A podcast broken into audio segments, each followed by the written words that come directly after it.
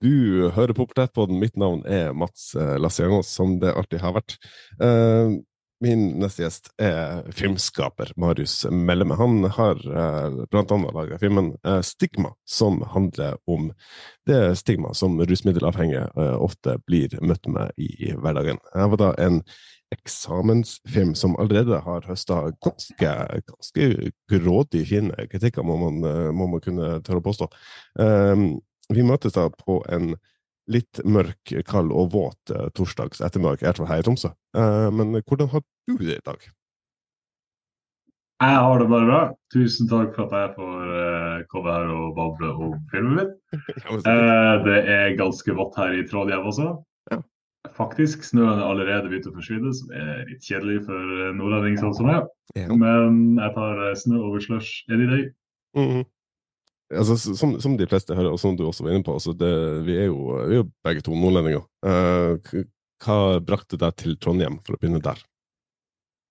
Det var utelukkende filmstudie. Mm. Uh, jeg tok en bachelor i, i Tromsø. Medie- og dokumentasjonsvitenskap med fokus på journalistikk og presseetikk og sånn. Mm.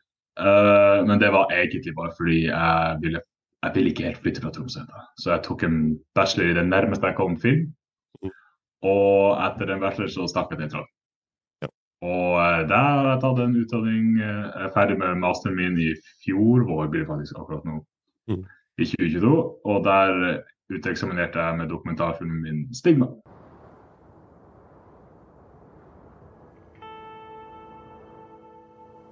Jeg heter Marius Noreng Mellem, og jeg har lenge opplevd et skjevt bilde av rusbruk i Norge.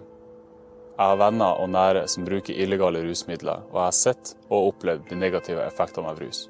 Men jeg har også sett de negative effektene av samfunnets stigma mot rusbrukere.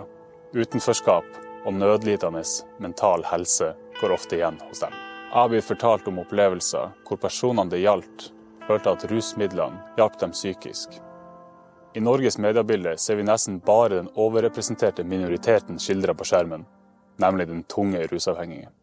Den normale rusbrukeren, som utgjør majoriteten av rusbrukere i Norge, er underrepresentert. Hvorfor er det sånn? Er det pga. moralisme? Er det tabubelagt å prate om illegale rusmidler og den som bruker dem? Og hvem er egentlig den gjennomsnittlige rusbrukeren i Norge? Og hvilken historie har de å fortelle oss?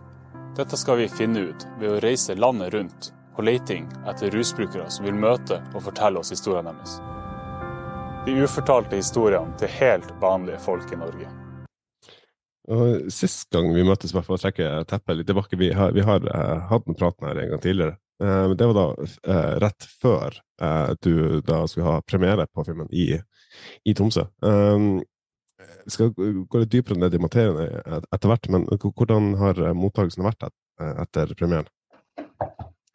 Det har vært en horv av, som jeg er kjempetakknemlig for, av rett og slett bekreftelse. Det er ingen hemmelighet at denne filmen var eh, tung å lage. Det var hard korona under min eh, siste studietid eh, under masteren. Det var ingen som hadde lagd en så hva jeg skal si, krevende, i hvert fall i produksjon, hvor mange produksjonsdager det var på studiet vårt. Det var ikke normalt. Eh, det var en dokumentar som jeg valgte å lage pga. fleksibiliteten til sjangeren, og at jeg berørt og veldig interessert i ruspolitikken i Norge. Men eh, Og da kom og få vist den i hjembyen min, som var den eh, førsteplassen jeg viste. Og så fikk vi en liten visning i Bergen og Oslo også. Og det har vært utelukkende. Og det er ikke for ikke selvskryt. Det har vært utelukkende positive tilbakemeldinger. Det har vært uh, en fryd. Og så var vi uh, Skal jeg bare legge rett på at uh, i eh, hva det blir, november, eller slutten av november, så la vi den ut på YouTube for at alle skulle se. For det var hele tida meninga. Vi ville forsøke å nå den ut til store mediehus, men de var ikke interessert i en uh, dokumentarfilm om rus akkurat da. Det var alt jeg kan si. Mm -hmm. Og uh, da tenkte jeg vet du hva, jeg ville uansett alltid, det sa jeg til alle intervjuobjektene mine, alle skal få muligheten til å se den. Hele poenget med filmen ikke å tjene penger, men liksom å kunne supplementere til uh, ruspolitikkdialogen. Og litt mer nyanse og fullsetningsdokumentar er det jeg har kalt den. Ja. Som en motpol til de fleste Netflix-dokumentarer som kanskje tar seg litt for hardt i dramatiseringen. Her vil jeg gå litt mer til rett på mennesket. Mm. Og det er jo en, en uh, fin film som jeg heldigvis har hatt, uh, hatt muligheten til, til å se uh, på YouTube. Bare for å plugge den litt, litt, mer. men det, det, er jo også sånn Skal ikke nødvendigvis bruke store ord som jeg ikke forstår sjøl, men det, det, er jo ikke nødvendigvis sånn prestisjeprosjekt i det, det, du går inn i arbeidet med den filmen. Det er jo ikke fordi du skal bli kjent og vinne Amanda. Det er jo faktisk for å rette søkelys mot en, eh, en, gruppe av befolkninga som, som, ofte blir, eh, blir oversett. Absolutt. Uh, jeg hadde ingen intensjon, og jeg tror jeg vet ikke om jeg er flink nok til å gjøre noe sånt i det hele tatt. Så jeg tror det, det løste seg ganske tidlig ved at nei da, denne filmen skulle skulle, jeg skulle ikke ta valg i denne filmen som ville gjort den mest likbar. Jeg, skulle, jeg, ville prøve å lage en film som var mer ærlig enn spennende. Så det høres jo ut som en veldig dårlig inns innsalgsvinkel for filmen. ikke det beste. Uh, nei, men uh, jeg, jeg, sa det nettopp, men jeg sier det igjen. at uh, For meg er det veldig viktig at folk skal få lov til å prate i fulle setninger. Ja, ta med ro, vi har klippet i filmen. Den er, den er klippa. Og kryssklippa. Men ja, jeg har et problem. Jeg har kanskje blitt ødelagt av ditt medium, da, podkast. Ja. Eh, jeg hører veldig mye på podkast, og spesielt internasjonale podkast. Der er det i hvert fall de flinkeste klipper jo ikke i det hele tatt. Og nå er det veldig vanskelig for meg å se dokumentarer hvor det klippes så å si andre, hvert andre sekund. Mm. Og du får, da, da, står jo kritikeren min, min uh, medieviterkritiker, uh, seg vrang og tenker sånn ja, hvor mye er det de egentlig ikke viser, eller hvordan er det de fremstiller det her. Mm. Så jeg har selvfølgelig tatt valget, jeg også. Jeg har prøvd og nyanse skulle være en veldig viktig del av filmen min. Og jeg ville prøve å vise opplevelsen til uh, både rusbrukere, som er hoved, hovedfokuset, men uh, også de forskjellige campene av ruspolitikken. Ja. Som har vært uh, i mindre og større grad vanskelig å få tak i. men jeg tror vi har vist en ganske god flora av forskjellige meninger, men absolutt med en tyngde på en snillere, eller hva skal jeg si, omsorgsfull ruspolitikk. Mm.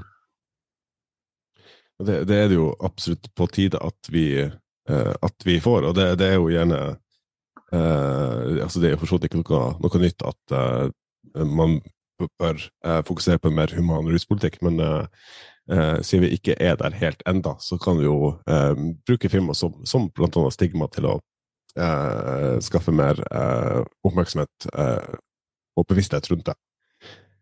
Så er det jo en kjent sak det altså Selv reality-TV har ikke så har ikke nødvendigvis en hovedvekt av reality i seg. så altså, noen, noen, ting må man jo klippe for å få en flyt i det. Ja, der vil jeg bare skyte inn og si at jeg har jo vært med, uh, flaut sikkert, og det men på reality sjøl. Oh, ja. Og uh, ja, og fikk et lite innblikk. for var, En av grunnene til at jeg var med, eller i hvert fall som velta meg over, er jo at faen, jeg studerer jo film. Jeg er jo en filmnerd. Så om det her går ad undas eller blir kjempeflaut, så har jeg i alle fall fått sett liksom bak uh, teppet da, til, uh, til, til, reality. Og selve hovedprodusenten i TV3 som hadde det showet jeg var på, som heter Love Island, uh, han sa at det det eneste ekte med reality er følelsene. Resten kan vi tukle litt med. Mm, altså, det, det, nå skal jeg uh, være veldig forsiktig med å ikke bli Se og Hør her, men, uh, eller, eller, andre to toppolitaviser, det finnes flere. Um, men uh, altså, når, så, sånn som jeg kjenner deg, Marius, så det er jo ikke godt, det, det skal, jeg, skal, jeg, innrømme. Men uh, når jeg hører deg og reality, så tenkte jeg ikke nødvendigvis Love Island. Jeg tenkte sånn, typ sånn Farmen eller uh, sånne ting. Ja, du er ikke den første som sier det. Nei, ok. Uh, så det kan jo faktisk hende at jeg bare valgte feil reality-serie å være med på. For kanskje jeg bare skal høre på hva folk hvordan folk egentlig ser meg utenfra. Kanskje jeg var litt mer rett på hva jeg burde velge. Nei, Jeg var jo singel og har vært singel lenge og jeg hadde lyst på kjæreste. Og så ærlig var jeg egentlig det.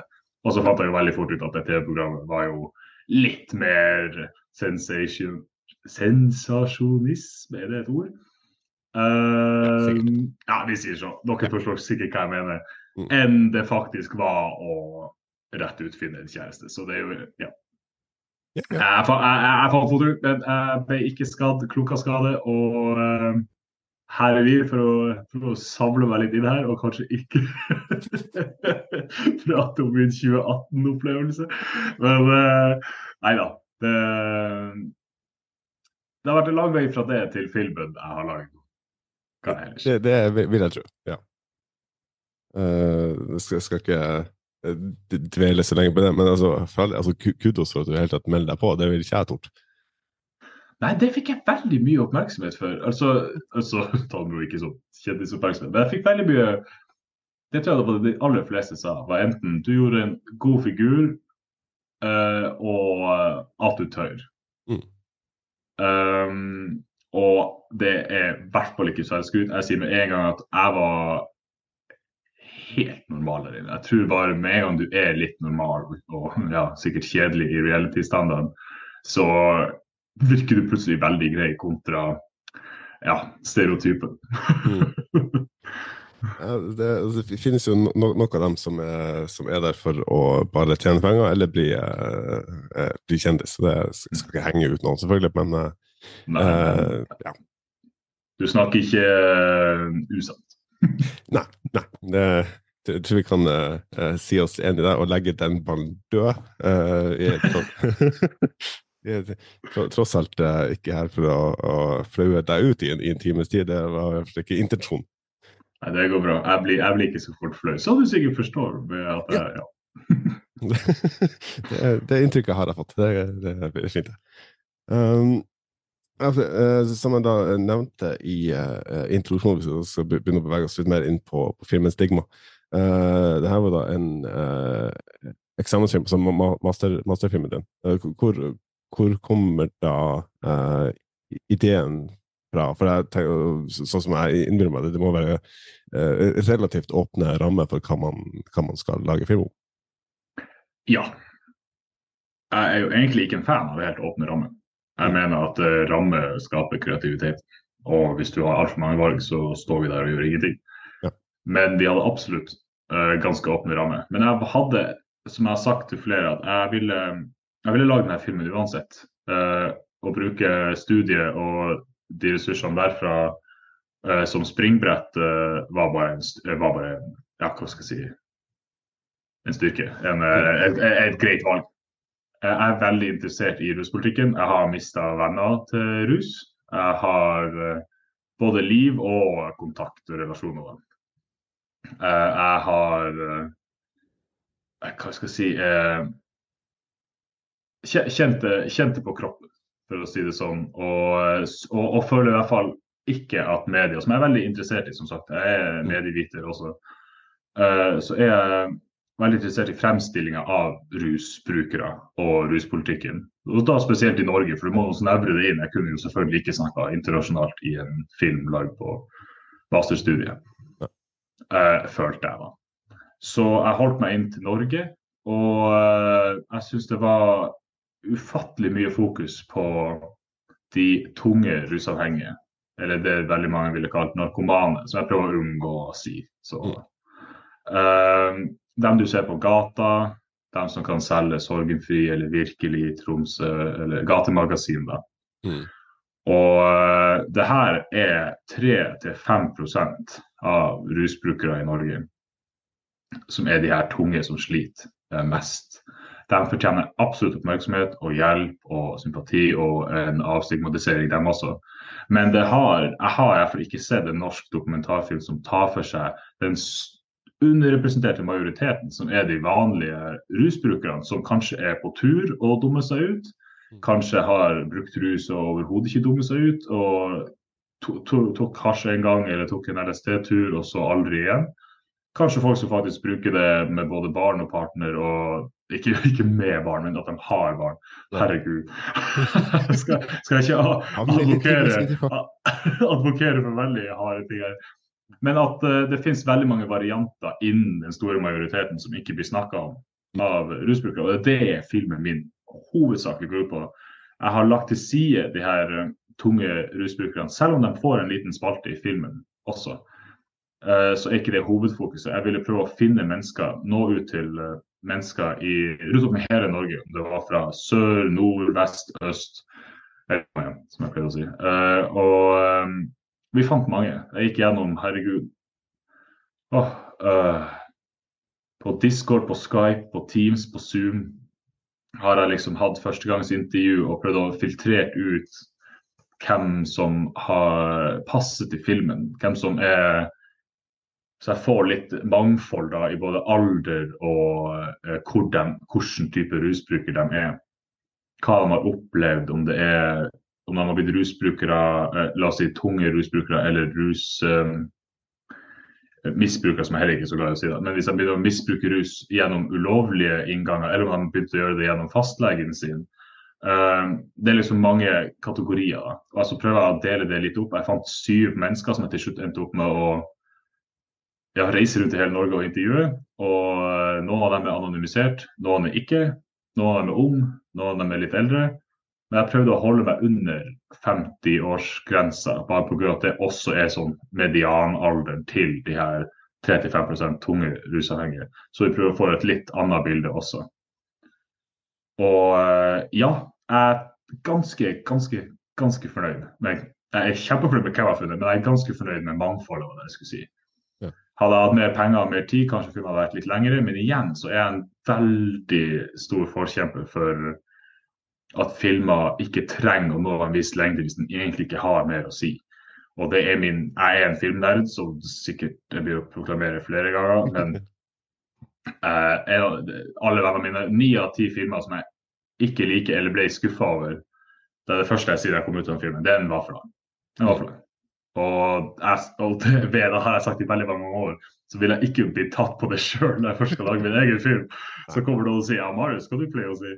Um, så det er en ting jeg har vært veldig redd for. Jeg har prøvd å finkjemme. Selv om det er masse talking heads, som det heter, sittende mm. intervju, lange setninger, tungt språk til tider og triste historier, modige historier, så håper jeg at vi fortsatt, og det tror jeg med hele mitt hjerte, at vi fortsatt har folk som er interessert i å høre fullstendige setninger.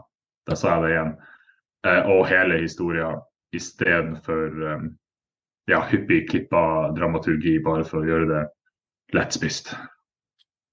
Ja, altså, Det er jo noe med det, og kvalitet over kvantitet. altså Du, det, du trenger ikke å lage en film som er tre timer lang bare for å bare for å ha gjort det. Altså, du, du har jo for, for rad, du forteller eh, veldig, veldig, veldig sterk og veldig eh, eh, altså følelsesladd eh, historie som, som både har en naturlig slutt. og da, da, Det er ikke vits å klippe på ekstra 20 minutter bare for å, ha gjort det. liksom. Helt enig så er det jo noe med det som du, også nevnte uh, innledningsvis, altså, den, den, presseetikken da, som, uh, som, som er, altså, er, veldig viktig. Ikke bare i dokumentaren, men også uh, Jeg, jeg syns det burde være mer av det i podkaster også. Um, Helt enig. Ja. Hvor, hvor, hvor, går man da, hvordan går man da fram hvis man skal lage en, en, en, dokumentarfilm om en veldig sårbar gruppe? For det er jo, det er jo en, en ting at man skal skal på beskytte kildene mot seg sjøl. Man skal ikke utlevere dem på bekostning mm. av noe de kan komme til å angre på senere. Så hvordan, hvordan, går du da fram for å finne balansen mellom, mellom å fortelle historier eh, grundig nok, eh, uten at det, det, går på bekostning av dem du, dem du intervjuer? Nå vet jeg ikke hva jeg har snakket med deg om det her før, eller om du er det ene mennesket på kloden som klarte å lese gjennom masteroppgaven. Uh, men det her er jo Det her er jo temaet jeg skrev, for du må dessverre skrive masteroppgave samtidig som du lager masterfilm. Mm. Her er temaet jeg skriver om. Nøyaktig det du siste du sa der, er problemstillingen. Ja. Eller i alle fall forskningsspørsmålet. Mm. Går, eh, går det an til å følge det jeg kalte for dokumentaretikk, for å innsnevre det. Mm. Det an til å følge presseetikk, dokumentaretikk og ta etiske valg uten å ta livet av eh, kreative og hva skal jeg si, spennende kunstneriske dokumentarvalg i filmen. Og det spørsmålet er konklusjonen i oppgaven, for spoiler alert for 24 000 ord Konklusjonen i oppgaven er at en av de aller viktigste tingene er i alle fall å ha et introspektivt, reflekterende syn på det. Hvis du har tenkt de tankene, hvis du har tenkt hvis han, hvis han Mats har tenkt før jeg gjør det intervjuet med han Marius, så må jeg iallfall få unna noe. Han må vite hva han går med på og hvor det skal brukes. eller mm. Hvis du har tenkt de tankene, så er du allerede på god tur. Jeg sammenligner det litt med, og det her er, snakker jeg rett Jeg har ikke rett til å snakke om det her. Jeg er ikke en forelder, jeg har ikke barn. Så ta det med ro. Jeg bare sier det som en kaviat før jeg sier det. Det jeg antar det er sånn som det er å være forelder. For du hører mange som sier 'jeg er ikke klar', 'jeg er ikke klar', 'jeg er ikke klar'. Jeg Begynner å få kalde føtter hvis man er gravid, hvis eh, partneren er gravid. Men jeg tror så lenge du er bekymra for at du ikke er god nok, og det høres jo veldig som jantelov ut nesten, men misforstå meg rett, så er du iallfall litt på riktig sti. For du bryr du deg, ikke sant. For du, du, du har en intensjon om å gjøre det bra og er da litt selvkritisk. Og det tror jeg er veldig viktig i presseetikken også.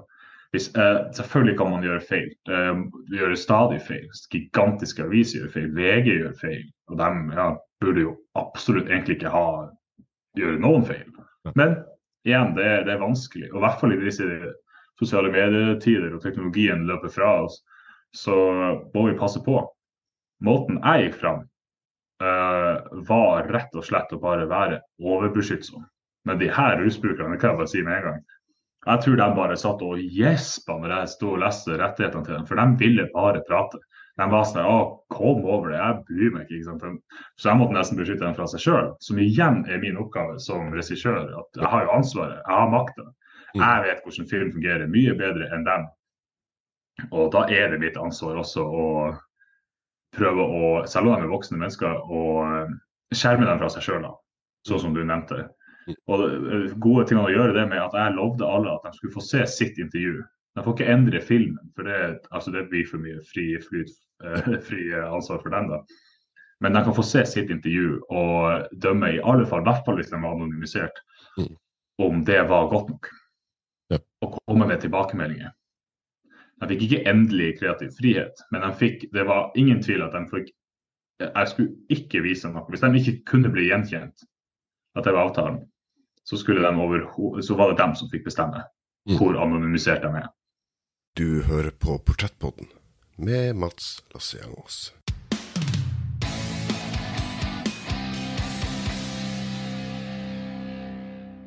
Det er et tema som interesserer meg veldig, og jeg, som sagt, jeg skrev 24 000 ord om det. og det mm. var ikke veldig god baseoppgave, ifølge de fleste.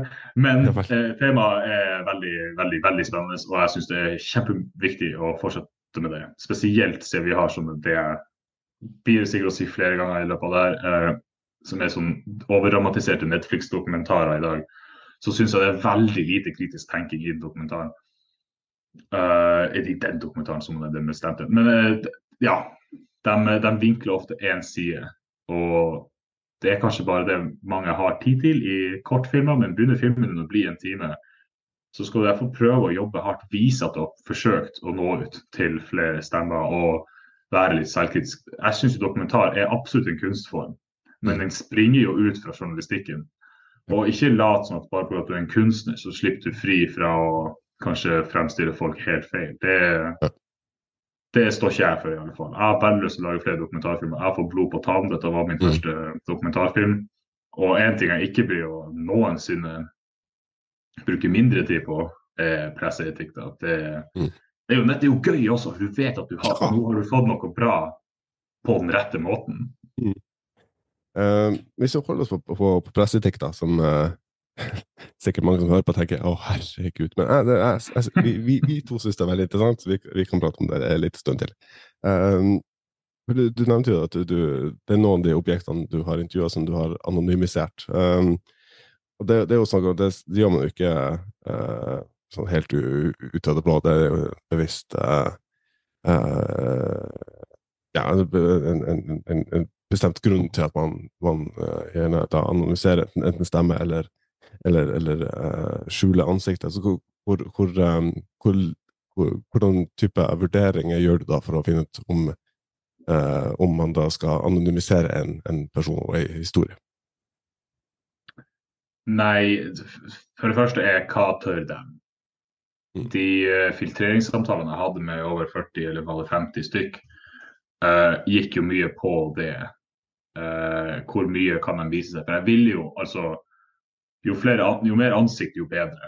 Mm. Men igjen så blir det vurdering av hvor sterk er historien. Hvis de har en kjempesterk historie, men jeg må anonymisere dem, så får det være jeg, altså dokumentar, eller dokumentarlærer, vil jeg ikke kalle han, men filmlæreren um, min på NTNU var jo helt uenig i uh, Det går ikke an å lage dokumentarfilm uten én hovedperson. Det går ikke an å lage dokumentarfilm med hovedpersoner som ikke viser ansikt. Og så sier jeg det tenk, For det første, herregud, har du ikke sett dokumentarfilm? Jeg har sett flere med akkurat de uh, ja, jeg forstår godt at det, det er for veldig inn å ha karakterdrama i dokumentarer, og at du følger bare én person. Så det var ikke den verste tilbakemeldinga å få. Men ville, det var viktigere for meg å lage filmen enn å fylle alle de kravene.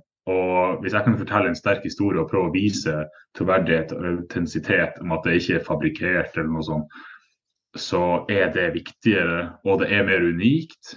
Og jeg er veldig, veldig glad for at jeg ikke hørte på dem som sa at jeg ikke skulle gjøre det jeg har gjort. ja, det, det og det er ikke ofte at man får den bekreftelsen. Det er ofte at man bare sitter og lurer. Men bare tilbake til tilbakemeldinger av å ha de få visningene jeg hadde, så har jeg bare hørt altså, Det må jo være pga. at det er nerder da, som er interessert i ruspolitikk veldig ofte. Sikkert, jeg vet ikke. Eller har pårørende. De, de klarer å høre en lang setning fra et menneske uten ansikt. Men jeg må jo bare skyte inn med en gang at uh, vi hadde jo en fantastisk animatør som vi dessverre ikke kunne betale godt nok. Mm. Uh, som heter Ida Rotli, som gjør animasjonene som er sånn skisseringer, veldig veldig simplistiske, uten å disse kunstformene, men med vilje for at vi sjøl kunne Det var et valg for oss for at vi sjøl kunne ha råd til det. Uh, men nummer to uh, også at du kan tilegne dine egne hva skal jeg si, fantasier til animasjon av åsted. At vi da kan også spille på en effektliv. Så vi har noen historier er, av de sterkeste historiene da, er, er, visualisert gjennom animasjon i filmen. For å ha et lite avbrekk fra de sittende intervjuene. Og for å selvfølgelig prøve å visualisere en historie som vi ikke kan ta opp, for det skjedde for enten år siden eller ja, i hvert fall tidligere enn de fantes med kamera. Mm.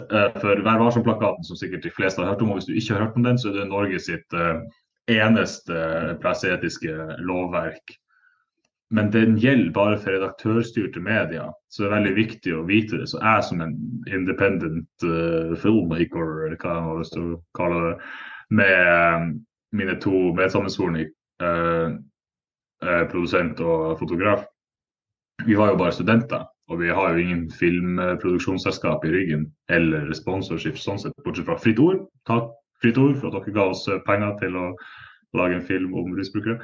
Uh, men herregud, nå sporer av igjen. Dem. Uh, da er det veldig viktig å huske på at varselplakaten dekker ikke oss. Men det syns jeg Jeg forstår jo det. Du kan ikke komme med en, en presseetisk uh, lov som går på privatpersoner. Det, jeg tror det blir litt strengt og litt uh, hva, skal, vi kalle det Orwellian. Akkurat det jeg tenkte på. ja. Men, eh, men, likevel så, så, ser jeg opp til Vær varsom-plakaten. Jeg er veldig stolt av den. PFU, Pressens faglige utvalg, er den som da vi har utnevnt her i Norge for å passe på at redaktørstyrte medier uh, følger Vær varsom-plakaten. Og de klager stadig inn enten redakt uh, alltid redaktører, men da selvfølgelig uh, artikler skrevet under redaktøren sin avis. Og eh, vi fulgte Vær varsom-plakaten. Jeg fulgte den til punkt og prikke og brukte den som lede, eller, ledetråd, eller pekepinn mm. under hele produksjonen. Og der har du flere punkt som er veldig viktige. Og den ene har vi nevnt flere ganger nå, som er å skjerme dem for seg sjøl. Mm. Og spesielt uh, put, eh, Du har særdeles utsatte grupper, da, minoriteter og sånn. Og der kaster jeg egentlig i hodet mitt inn rusbrukere. Ja. Siden de gjør noe ulovlig, men er kraftig stigmatisert og gjennom både lovverk og media. Mm. Så til, for å avrunde det spørsmålet, så eh, det er mye som går inn i de tankene. Men det meste var jo er historien sterk, så skal vi så godt vi kan tilrettelegge for at vi kan få fortalt den. Mm. Og så var det veldig viktig for meg å få et For meg var det mangfold Det viktigste mangfoldet for meg var uh, hvor i Norge Nå er jeg nordlending sjøl, så vi vet jo sikkert Du vil nok kjenne deg igjen. Mhm. Vi vet jo at det er en ufattelig um, horv av produksjoner som er veldig Oslo-sentrert. Ikke bare Østlandet, men Oslo. Mm. Og, og, og jeg, vil, jeg, jeg vil alltid prøve å fremme at Norge er ganske mye mer enn den byen. Og ingen, ingen negativitet mot Oslo, for vi har også nei. Selvfølgelig representativt utvalg fra Oslo også med i filmen. Mm. Eh, men det var veldig viktig for meg, det mangfoldet av Distrikts-Norge og andre byer. Tromsø, Trondheim, Trøndelag generelt, eh, ja, Vestlandet eh, osv. Mm. Ja, for det, det er jo en, en tematikk som, som det, det, det skjer jo eh, Altså, det er en tematikk som påvirker he, hele Norge, det er ikke bare innenfor Ring 3 i, i, i Oslo. Um, og eh, selvfølgelig ser man også eh, altså Vi har Sorgefri, vi har Jeg liker Oslo, vi har uh, Gatemagasinet Virkelighet Tromsø. Så det, det burde jo ikke være behov for, eh, for sånne type magasiner, men det er dessverre det. Um, så det aller beste uh, virkeligheten i Norge hadde vært hvis det ikke var noe særlig behov for at uh, eh, eh, sl- slitne, eh, eh, russyke er nødt til å gå rundt og, og eh, enten tigge eller, eller eh, selge magasiner.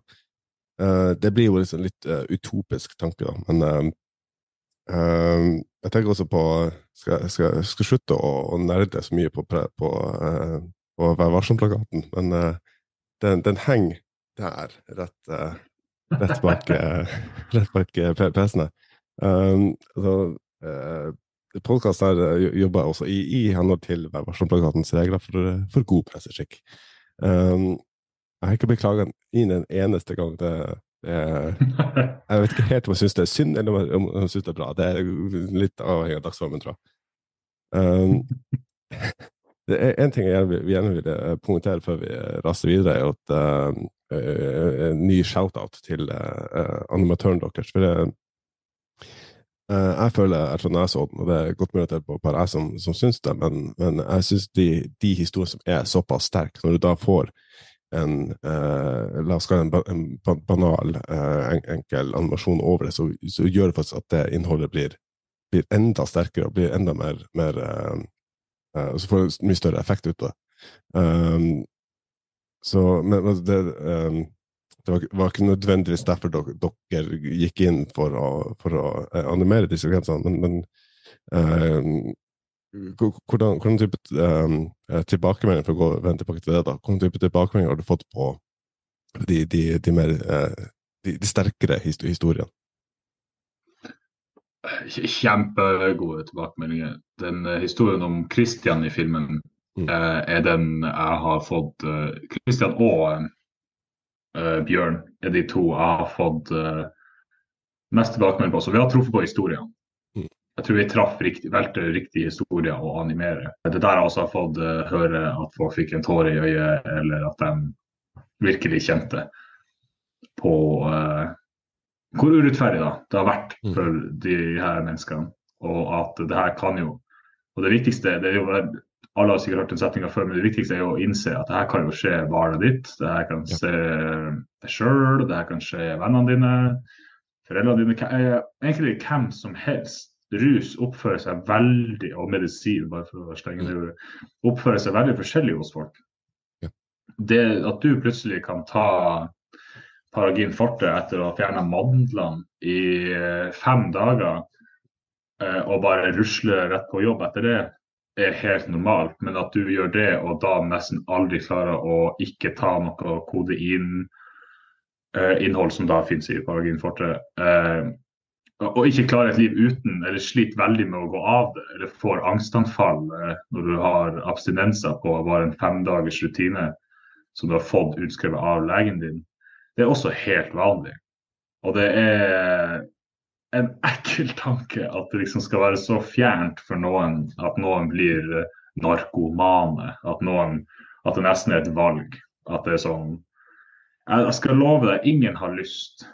Ingen når de er 15 eller hva enn i valgalder, eh, hva skal jeg gjøre med livet mitt alder, har lyst til å ende opp som en, en tung rusavhengig. eller har lyst til å miste relasjoner eller venner til rus og avhengighet. Uh, vi, et, vi, er jo et land Det er vanskelig å ikke, ikke komme innom det her temaet, for det er veldig viktig. og Vi er jo et land som er verdenskjent i statistikkverdenen. Ikke på, ikke på munnen til folk, men uh, for å være ufattelig glad i alkohol og har en veldig veldig sterk drikkekultur. Vi drikker ikke en øl uh, etter hver jobbdag. Vi tar alt igjen i helgen. Uh, vi drikker ni øl på fredag og lørdag. Og kjemper mot oss sjøl på søndagen og starter mandag på jobb. Mm. Eh, og, det, og, studentene er de hardeste. Og at det ikke er flere alkoholikere enn det er, er jo det bare en flott. Det er jo kjempebra. Men, uh, ja, men det, det, er absolutt et rusmiddel som også opererer forskjellig. Alle har den kompisen som kan drikke fire, uh, fire øl og så bli helt obnoxious. Mm. Og så har noen andre en annen venn som kan liksom ta shot, shot, shot og danse på bordet og være fin dagen her på og dra på trening. Altså, det vel... ja. og, og, det, og, igjen så forandrer det seg. Ikke? Hvor gammel du blir og, og mm. hvordan altså, det ble et veldig eh, svakt poeng. Men poenget mitt er i alle fall at eh, rus finnes i Norge i medisinform, i alkoholform, i nikotinform og i ulovlige rusmiddelform som MDMA, LSD, heroin, eh, kokain osv. Og jeg syns det er tåpelig å skyve det under teppet, spesielt som en nasjon som er ganske hard på rusmiddelbruk, selv om den er lovlig. Og jeg er ikke noe anti-rusmiddelbruk uh, eller anti-alkohol eller anti-politi, bare for å slenge inn den der. Og mm. jeg, jeg syns vi gjør masse bra i Norge, men vi kan bli mye bedre. Og jeg føler ikke man trenger å tråkke på så mange tær for å uh, bli bedre. Vi kan heller jobbe litt sammen for det. Og jeg tror at filmen min Eller jeg vet at den har endra meninga til noen få mennesker, i alle fall, som jeg har snakka med. Og jeg håper den kan endre eh, endre enda flere. Etter jeg la den ut på YouTube i slutten av november, så har jeg nesten 4000 views på den. Og det var veldig mange mer uh, seinger jeg trodde skulle skje. For det er en 53 minutters lang film med masse prat. Uh, og ja, nei, det har vært kjempeartig. Jeg tenkte at nå er den død. Nå blir jeg å få 300 views når jeg legger den ut på YouTube, og så får vi bare får jeg vise til den på noen CV-er. Mm. Men nå, den har blitt sett masse, masse fine kommentarer. og Nei. Har du lyst til å se en liten uh, dokumentarfilm om uh, rusbrukere i Norge? og hvordan, et, et, lite utvalg, absolutt. Ikke, ikke gjeldende som sånn er rusbrukere i det hele tatt. Men nå får vi i alle fall se syv stykk, og, hvordan, og litt innblikk i hvordan de har det. Mm. Filmen ligger som kjent på YouTube-filmen heter Stigma. Bare let den opp og, og, og, og, se den. Det er jo oppfordring til alle som hører på. Um, for det er jo skal ikke jeg stå på noen sånn, sånn såpeboks og proklamere uh, uh, store ting som ingen har hørt om før. Um, men jeg føler at når jeg ser på gjerne fiksjons-TV, så er det uh, hvis, hvis, hvis, man fremstiller kokain, så er det gjerne i typ sånn Exit. Så det er en sånn overklassedop som uh, kun de rikeste har råd til, og de nyter fordi de har råd til det. Uh, hvis det er snakk om heroin, så er det han Jarl fra Åpen post som er konspinoia og sitter og teller hver, hver eneste cornflake man setter i seg i, tilfelle. Um, så det blir en veldig sånn skeiv fremstilling av, av narkomane, russyke, som et slags sånn uh, Sånn skal du ikke bli. Det er veldig pekefinger og foreldre som advarer ungene sine om. Må, må, ikke, må ikke prate med han. Og, ja. Mm. Da, jeg, jeg det, det, er jo også et, et ekstra element i, i, filmen din som jeg syns er veldig fint, er at det, det fremstilles altså, rått og ærlig, og det er ærlig historie. Det er, så det er eh, fortalt av profesjonelle. holdt på å si, Det er folk som har, har levd eh, det livet, der det vet hva de prater om, men det er ikke den um, det er ikke den Marius dere bak kamera med pekefinger. Ja, nå nå må dere høre etter. Det her, her er viktig å få med, få med seg. Og ikke, ikke, bli, ikke, bli, som en bjørn. Det, Um, Mm. det, det er bare en et, et vindu til, til en verden som, som jeg tror dessverre veldig mange ikke har så veldig uh, verken forståelse eller, eller empati for, for å være helt uh, brutalt ærlig. Så hvis det da er hvis det er, første filmen Min, første film var om voldtekt. Eh, Så er jo begge to eh, skutt full ladning når vi først, eh, når vi først gikk inn i verden. Hvor, hvor, hvor går da veien videre? Hva, hva, er, den neste historien du, du har lyst til å fortelle? Nei, eh, jeg kan si med en gang at eh, jeg har lyst til å lage en dokumentarfilm til, og da har jeg lyst, til at den skal være om eh, ruspolitikk og kanskje ha en litt mer vinkling på, på bruk av det som verktøy, eller i alle fall i medisin. Mm. De fleste har sikkert hørt om at vi har akkurat begynt med sånn ketaminbehandling i Norge. Og det er noe jeg er veldig interessert i. Det har jeg ikke prøvd sjøl, eller jeg kjenner faktisk heller ingen som har eh, tatt ketamin i en terapeutisk sammenheng. Eller psykiatrisk. Det kan godt hende at du, må nok litt lenger opp enn en terapeut for kanskje å ta ketamin lovlig. Men det her er kjempeinteressant. Jeg har lest mye data på det, og USA var veldig tidlig ute med det. Jeg tror de holdt på å si 2006 eller 2007. Eh, dette er et eh, Ketamin er et eh, rusmiddel som er ulovlig i de aller fleste land, og det er kjent som hestebedøvelse. Mm. Litt sant, litt usant. I Australia er det nesten mer populært å ta ketamin på fest enn det er å ta kokain. Det kalles ofte australske kokainer. Mm. Og eh, dem om det. Jeg vet ikke hva som er, er best og hvorfor det er populært. Men at noen klarte å finne ut at hvis du tar en viss dose av ketamin, noe de kaller for en K-hole-dose, K-hole-dose, K-hull-dose blir det vel på norsk, eh, så blir det en psykadelisk eh, eh, versjon. da. Du får en psykadelisk opplevelse, ofte en ut av eh, kroppen-opplevelse. Okay. Og det er dette som gjøres eksklusivt. De tar ikke det, de sitter ikke og tar det i, i nesa og skal på fest er hos terapeuten. Eh, når jeg skal prøve, det her er for testa på tungt, tungt deprimerte mennesker. Mm. Også de meste dataene er på det, så ikke forveksle med vanlige uh, deprimerte. Nei. Eller Ja, det, det, det, det er den som har det absolutt uh, tyngst. da som har fått testa det her i sånn måned, månedsintervaller. Jeg er litt usikker, skal ikke snakke for mye om det, for jeg har ikke akkurat hvordan det funka, hvordan de doserte det ut. Men jeg fikk iallfall K-hulldoser da, med eh, påsyn fra eksperter og medisinsk personell. eh, Hvor de da gikk og, mens de var rusa og fikk psykedeliske opplevelser, hadde noen ved siden av seg å prate med. og det har hatt på de tungdeprimerte på de testene som er tatt, er ufattelig stor eh, virkning. Hvor de har følt seg mye bedre, og hvor veldig mange av dem har gått rett av antidepressive. Det her er selvfølgelig masse data igjen å gjøre, masse forskning igjen å gjøre. Og det vil jeg si til alle. Jeg anbefaler ingen å gå og prøve det alene, eller noe sånt. Eh, men det er, det er et felt jeg har veldig lyst til å lage film om. Og spesielt nå som vi veldig nylig har begynt å gjøre det i Norge. Og jeg leste akkurat en artikkel, og det er sorry person at jeg ikke husker navnet ditt. Men det var en lege på UiT, nei på UiT, på UNN, i Tromsø, for dem som ikke vet det, det er universitetssykehuset i Nord-Norge, som var veldig for denne behandlinga, og har møtt litt eh, motvær da, i eh, i hvert fall Tromsø sin mediedekning. Mm. Og eh, det det er et tema jeg er kjempeinteressert i. Om det blir det jeg blir å lage film om, vet jeg ikke, men det er det jeg har mest hatt i hodet i det siste. Mm. Nå har jeg jo fått full eh, eh, 100% jobb. Og jeg har ikke like mye tid som jeg hadde til å fokusere på det som før. Men det kan kanskje være en liten uh, blessing in disguise, at jeg da også får planlagt litt uh, sakte og rolig og får tenkt meg litt om hva jeg har lyst til å gjøre. Mm. Du holder deg i, i, eh, i samme verden, da, kan man vel eh, konkludere med.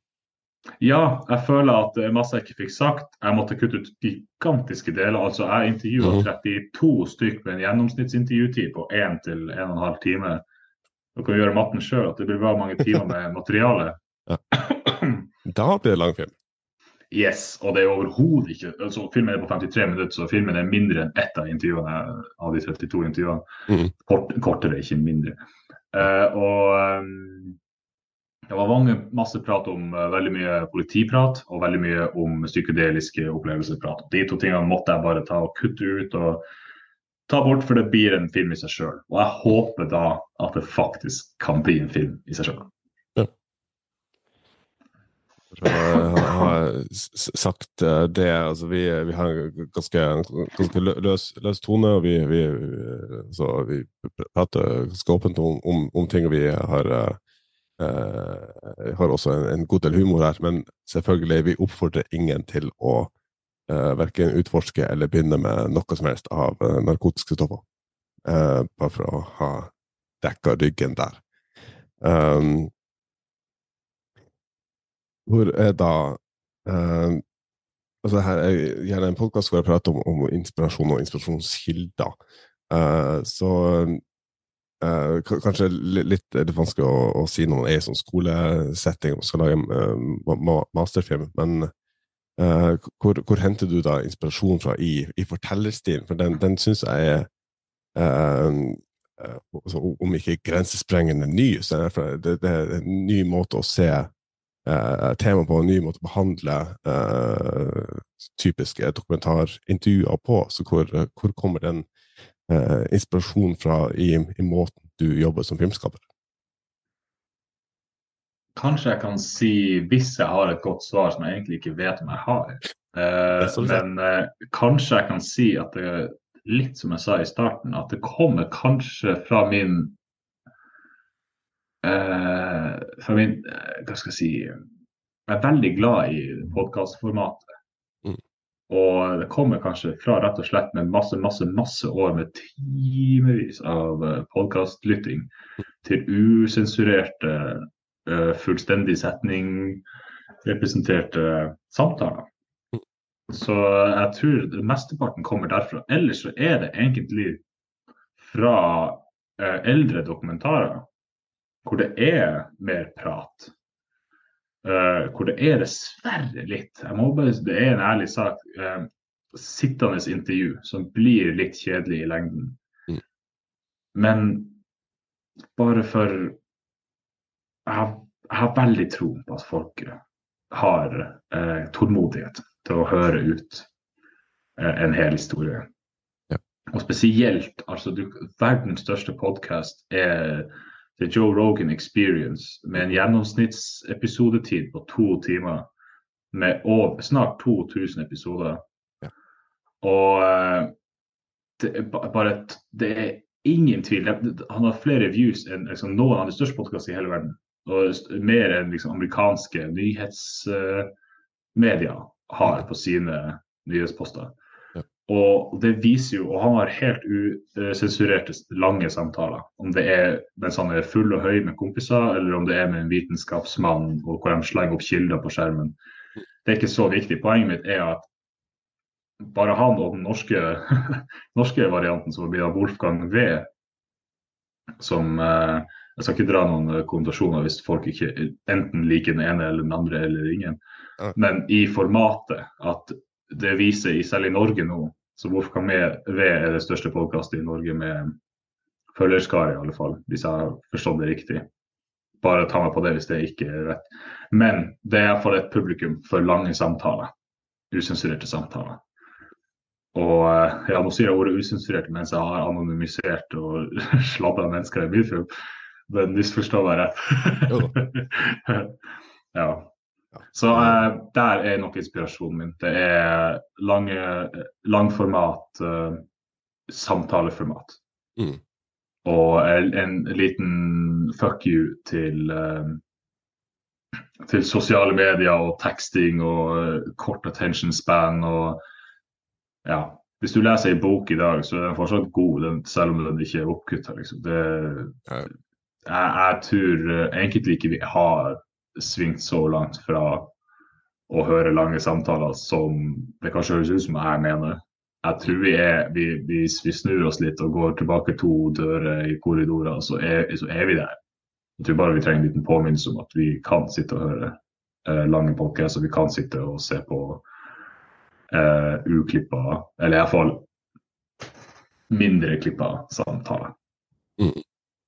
Jeg tror også også til, eh, til, eh, til de poengene altså det, uh, jeg, Så lenge historie er god nok, så har alle um, uh, ut, utholdenhet nok til å høre på uh, folk som prater i, i timevis. Så, så må man bare feng, fengsle dem, og man formidler den historien på en måte som gjør at man godtgjør eller, eller, eller, eller premiere i gåsøya uh, uh, publikums tålmodighet, så, så, har man eh, har man stammen nok til å gjøre det. Det er det at vi er blitt så jævla bortskjemt med at eh, hvis noe er lenger enn ti minutter, så, så trykker vi bort.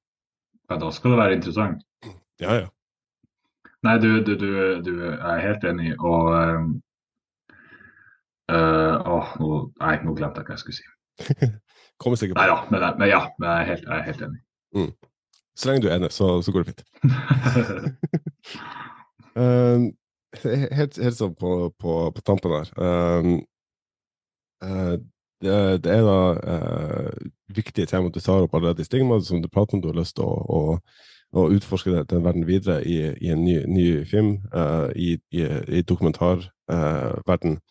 Um, mye av det, det kan godt også hende at det er delvis pga. min egen naivitet og uh, litt sånn snobberi. Men uh, mitt inntrykk av dokumentaren før jeg ble, uh, ble nysgjerrig på, på, å delta sjøl, er at dokumentaren er litt sånn traurig og, og, langsom og langdryg, og det, det er gjerne bare sånn talking heads og litt sånn Ja, det, blir, det er ikke så mye spenning i det. Um, det er selvfølgelig helt feil, men, men Men, men. Men, men hvordan, hvordan, er det da Altså, hadde det Hadde det vært spennende å lage, ta samme tema, men lage en fiksjonsfilm?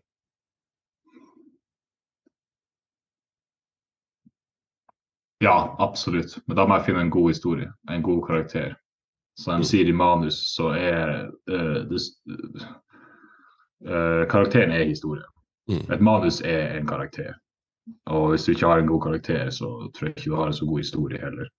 Og da mener jeg, uh, siden en fiksjonsfilm, så um, må du jo kanskje ofte basere den på noen.